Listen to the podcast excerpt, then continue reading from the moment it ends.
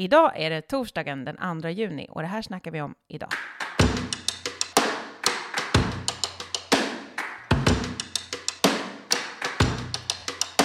SCBs stora väljarsympatiundersökning presenterades idag. Kort sammanfattat kan man säga att oppositionen torskar mot det nuvarande regeringsunderlaget och Magdalena Anderssons regeringsunderlag ser ut att gå mot vinst, om Centerpartiet någon gång kan sätta ner foten. Om det snackar vi idag och i studion finns jag, Anna Herdy och Vänsterpartiets kommunikationschef Jenny Lindahl.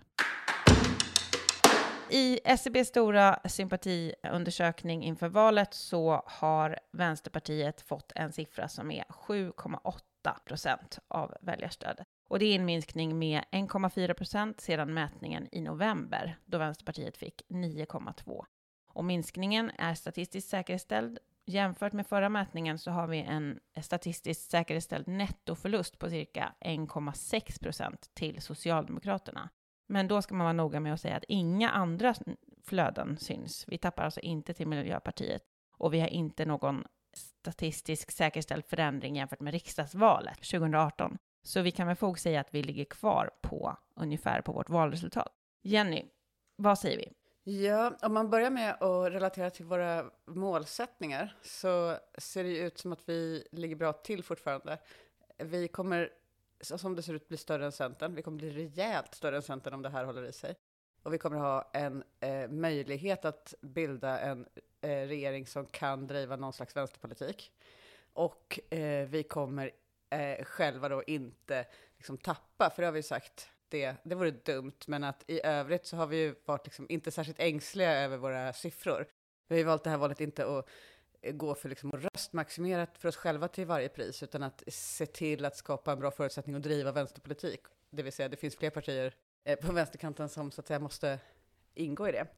Eh, så att utifrån det så är det ju bra. Sen är det ju alltid så, historiskt och varenda val, att vi påverkas väldigt mycket av vad S gör, hur S ser ut eh, och hur folk tänker kring S. Vi påverkas nästan mer av det än av oss själva, därför att vi är en slags ett slags alternativ till S för många väljare. Att man väljer mellan S och V och då om S går bra så påverkar det oss mer än om vi går bra så att säga. Men det ser också lite ut som att vi har brutit den trenden här därför att nu är det inte vi som tappar till S när S är starka utan alla på hela vänsterkanten så att säga inklusive Centern som tappar till S. Så att det känns som att det finns en liksom ett korresponderande eh, kärl här mellan S och hela den rödgröna sidan. Ja, det, det stämmer ju. Men vi kan ändå se att i mätningen eh, i november så hade vi 9,2. Det var ett helt, det var ändå historiskt ganska höga siffror. Eh, vad tror du att den här nedgången beror på? Men en del beror ju på timing, både i den förra undersökningen och i den här. Därför att, ja, eller inte att vi har gått ner beror ju på att, på att S är väldigt starka och frågorna som handlar om rikets säkerhet så vidare, det gynnar såklart ett starkt regerings statsbärande parti så att säga. Eh, och de har klarat det gans, ganska stabilt. Men jag tänker också att om vi hade gjort den här mätningen lite tidigare, säg i, eller vi, om SCB hade gjort den lite tidigare, säg i mars, april, då hade den här siffran kunnat vara lägre för oss. Därför att en del av varför vi har minskat är ju vårt eget fel, så att säga. Eller det, det, det beror på vad vi har gjort och inte på vad S har gjort. Vi fick en viss förtroendeskada i förhållande till Ukraina-frågan. Den håller vi ju på att reparera så gott vi kan. Eh, och där kan vi se att vi ligger bättre till i våra egna mätningar, för vi mäter ju just liksom förtroendet för oss i egna mätningar och också i relation till olika frågor och så. Och där kan vi se att vi fick, vi fick en, en rejäl liksom, smäll eh, i samband med Ukraina och vapen till Ukraina och det, men vi är på väg uppåt igen. Vi kan ju också bara notera, det som SCB också mäter är ju skillnaden i stöd mellan män och kvinnor. Och där får vi då 7,1 bland män och 8,5 bland kvinnor. Det är väl ett ovanligt jämnt stöd mellan könen för att vara Vänsterpartiet? Ja, vi har ju allt, eller vi, vi, brukar vara, inte alltid, därför att en gång i tiden var vi ett riktigt mansparti. Då var vi ett riktigt liksom, gruv och industriarbetarparti med bara män med keps. Liksom. Eh, eller Keps. Hjälm. De, hjälm. Ja, men jag tänker på fritiden hade de en sån här gubbkeps föreställer jag mig. och en unika box. Mm. Men de, där, där, och sen har vi vänt till att, jag menar 90-talet när vi började med liksom feminismen och sådär, till att vara ett, ett tjejparti. Mm. Men jag tycker ju att det är vi har ju försökt vara bredare än så. Alltså att vi vill ha, vi vill ha en klassbaserad väljarskara. Eh, och det är vad vi verkligen försöker skapa också. Och då tycker jag att det är positivt att det jämnar ut sig också mellan könen. Ska vi då kolla lite på de andra partiernas siffror så kan man väl säga att mätningens stora förlorare är Sverigedemokraterna och Centerpartiet. De tappar allra mest. Moderaterna tappar också, men lite mindre. Och det, är ju också, det kan man ju också fundera på eftersom det är ett läge där oppositionsledarpartiet borde vara störst i, i förhållande till väljaropinionen. Vad säger du om de här förlorarna i mätningen? Ja, i Centerpartiets fall så kunde det ha kommit tidigare nästan. De har ju gått från klarhet till klarhet i att göra dåliga val eh, när det gäller sin egen strategi och så. Och vi vet att Centerpartiets väljare, och, och, det här är ett problem de har är att de inte tycker som sina väljare. Och att det, det får de liksom dras med. De har bytt väljarskara och nu har de liksom ett slags pågående krig. Och sen fattar de hela tiden beslut som fuckar upp för vad deras väljare vill ha, det vill säga en vänsterregering. Och jag tror att också att Centerpartiet krånglar så här mycket, det drabbar ju dem mest i den här mätningen, men det drabbar också oss. Därför att de krånglar ju om oss. Och då gör de oss till ett, problem, så att säga, i debatten. Bråkiga. Vi vill ju inte, alltså vi har ju varit hur snälla som helst här. Vi, liksom, I sak så driver vi massa krav i förhandlingar och sådär. Men i, när det gäller att samarbeta så har vi sagt, ja men vi vill jättegärna samarbeta med Centerpartiet. Vi förstår att det krävs kompromisser de säger ju då nej av princip, eh, och en oklar princip, det, nämligen att vi har en dålig ekonomisk politik, tycker de. En konstig princip. Så deras krångel om oss, det gör ju att vi blir ett krångel, fast vi inte krånglar, så att säga. Eh, jag tror att det drabbar oss. Och vad man kan se i de mätningarna, om man kollar på Poll of Polls till exempel, så kan man ju se att när de släppte igenom en borgerlig budget, en SD-stödd budget, men röstade igenom Magdalena Andersson, det är då som liksom, de stora tappen, även om de har ja. gått neråt successivt. Och det behöver sen. man knappt förklara varför. Nej, varför det blir. För, att det, det, för det är uppenbart för alla att det är en så osammanhängande eh, idé om vad mm. man ska vara till för. Mm. Jag ser nu att Centerpartiet, eh, de marknadsförs, alltså jag är uppenbarligen målgruppen, för jag får väldigt mycket reklam i sociala medier och så. Och det är så här, vi orkar stå upp mot rasismen. Alltså om det är deras enda sak de tror att de ska vinna eh, väljare på. Alla bara, ja, vi förstår det. Det har ni gjort väldigt klart och tydligt. Men vad väljer ni för lag då? Om, om ni orkar stå upp mot rasismen, säg bara då att ni kommer backa Magdalena ja. Andersson. Eller vad är problemet? Men det är ganska många partier som har en väldigt värderingsdriven retorik nu. Det är nästan, alltså, inte vi, inte Socialdemokraterna och inte Moderaterna, men alla de andra har ju eh, liksom gjort som sitt case att man, att man ska liksom ha samma åsikt som dem. Eller att så här, de har samma åsikt som väljarna och därför ska man rösta på dem. Men det är inte ett starkt skäl att rösta på någon. Därför att man, har, man liksom genomför inte åsikter, man genomför ju konkreta reformer. Och där har ju vi gett Socialdemokraterna lite av sin själ tillbaka med pensionsförslaget. Det är alltså att den här gången så har vårt agerande påverkat S agerande väldigt mycket. Vi drev igenom den här pensionshöjningen. S har gjort det till sin huvudfråga. Det är deras enda politik. Det är deras enda politik. Förutom NATO-medlemskap. Och jag menar grejen, det som har varit problemet med S länge har ju varit att de inte vill någonting. Att de inte driver någonting. Förra valet så satt de liksom och tänkte så här, vad ska vi ha för utspel? Vi ska hitta på ett utspel. Så, Oj, vad ska man hitta på för politik? Och då tittar de inte på så här, de eh, akuta samhällsproblemen de har omkring sig. Oj, herregud, vården eh, rasar, eh, folk liksom typ utförsäkrar sig alltså det är kaos här. Nej, nej, utan vi hittar på någon grej som är den här familjeveckan. Ska inte jag håna den liksom, det är säkert bra, men det är typiskt S i alla fall.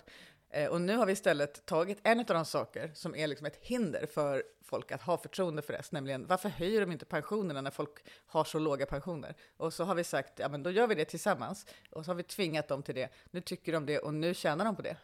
Och det blir så uppenbart nu också när det liksom, nu vet vi ju inte riktigt var det landar i den här pensionsgruppen, men det som det verkar som att man lägger fram är ju ett förslag som är det som vi hade initialt i förhandlingarna i höstas, det vill säga att höja garantipensionen. Vi kommer ha vunnit allt om det blir så, och, och vi har förflyttat eh, hela regeringspartiet till vår position.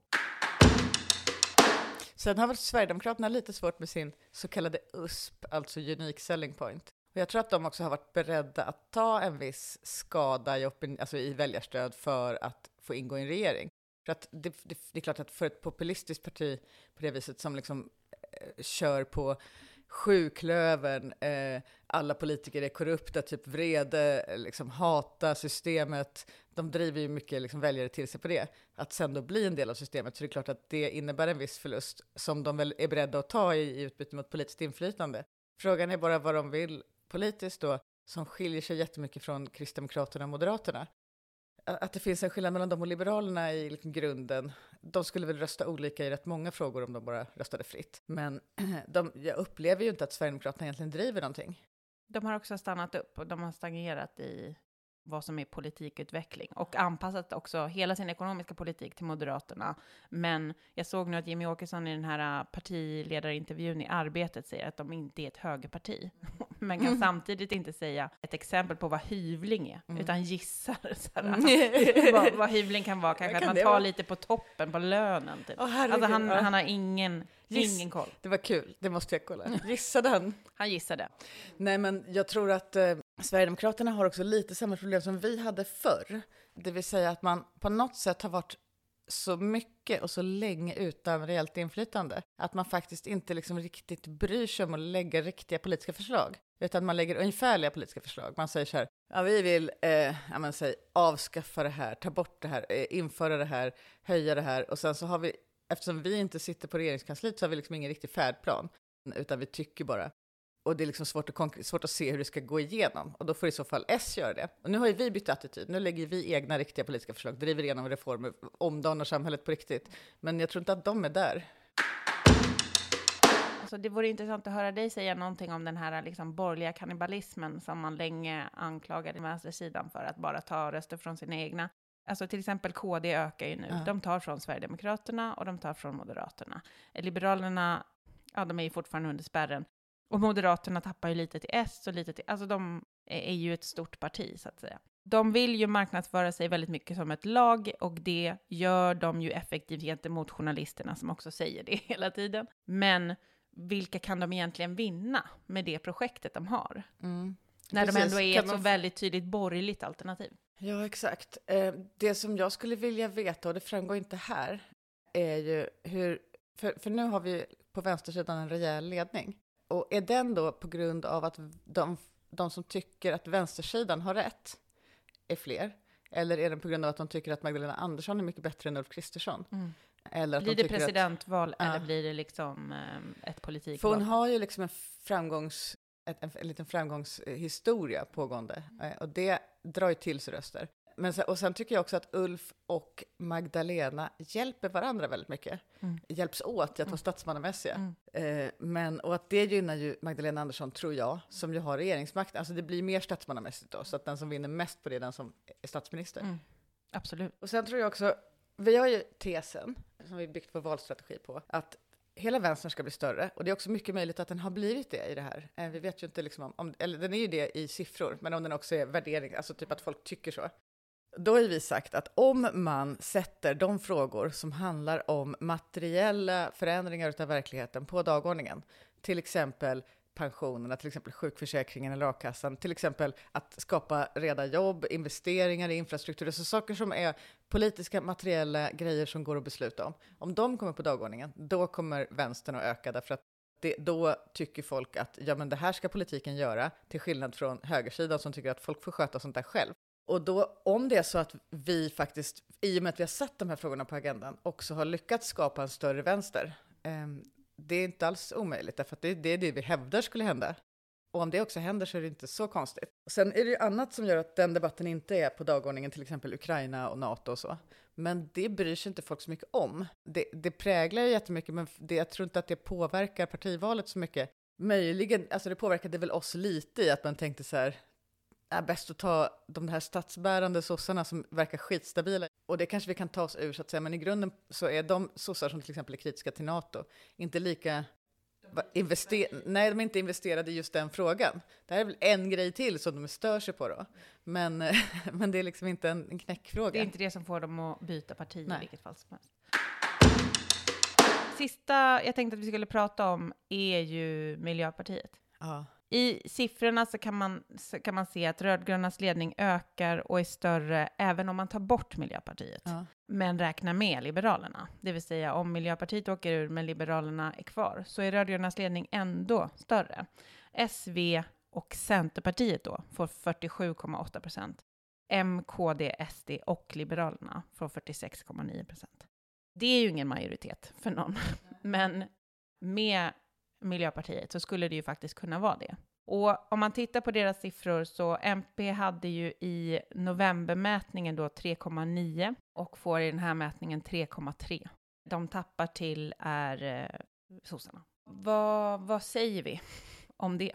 Ja, det där är ju, tror jag, en känslomässigt svår fråga för många vänsterpartister. Som, det finns liksom mycket, det finns mycket att man stör sig så mycket på Miljöpartiet. Vilket gör att jag tror, jag tror säkert det är många vänsterpartister som är skadeglada ute där, så att man sitter och så, härligt att de inte kommer in. Nu är det, för det är vår rättmätiga plats här vi, liksom, våra mandat. Men jag tror att, det här är min personliga åsikt bara, jag tror att det är smart att ha Miljöpartiet i en regeringskonstellation. Dels därför att man blir, vi tycker ju ändå ganska lika i många frågor. Och man blir då två partier som inte är Centerpartiet. Alltså allting som inte är Centerpartiet i den här konstellationen stärker ju inte Centerpartiet-linjen.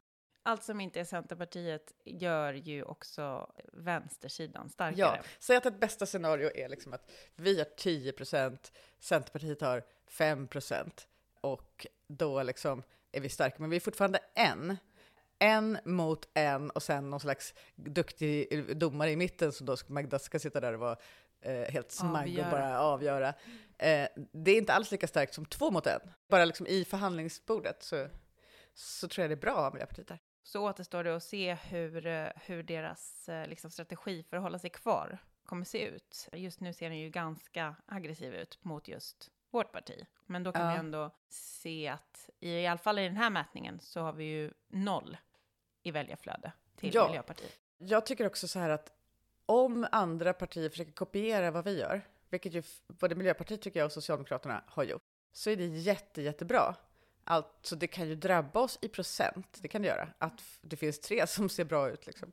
Men eh, det vi vill är ju inte, alltså vi bryr oss väl egentligen inte hur många procent vi har, utan vi bryr oss om vad som är det politiska resultatet. Eh, och så länge vi kan driva igenom de reformer som vi behöver göra, så om det då är liksom lite på bekostnad av att andra också säger samma saker, för, det måste, för att vi kan ju inte driva igenom dem om inte de andra också tycker så. Och att de då säger samma saker, det är liksom en förutsättning för att få det gjort. Ja, då får man ta det tycker jag. Och med de orden så avslutar vi den här, eh, eh det här avsnittet. Idag har vi snackat om SCB-siffrorna. Eh, de hittar du på scb.se eh, om du inte har läst dem än. Där finns det många och det kommer också komma en eh, uppdelning av de här siffrorna och på vilka väljargrupper och så eh, under nästa vecka. Så för den som verkligen vill nörda ner sig i mätningen så, kommer det, så blir det liksom godisregn i nästa vecka. Vad tycker du att vi ska prata om i kommande avsnitt? Gör som många redan gjort till en tradition. Skicka in ditt förslag på ämne till podd och det ska vara podd med två D. Tack för att ni har lyssnat.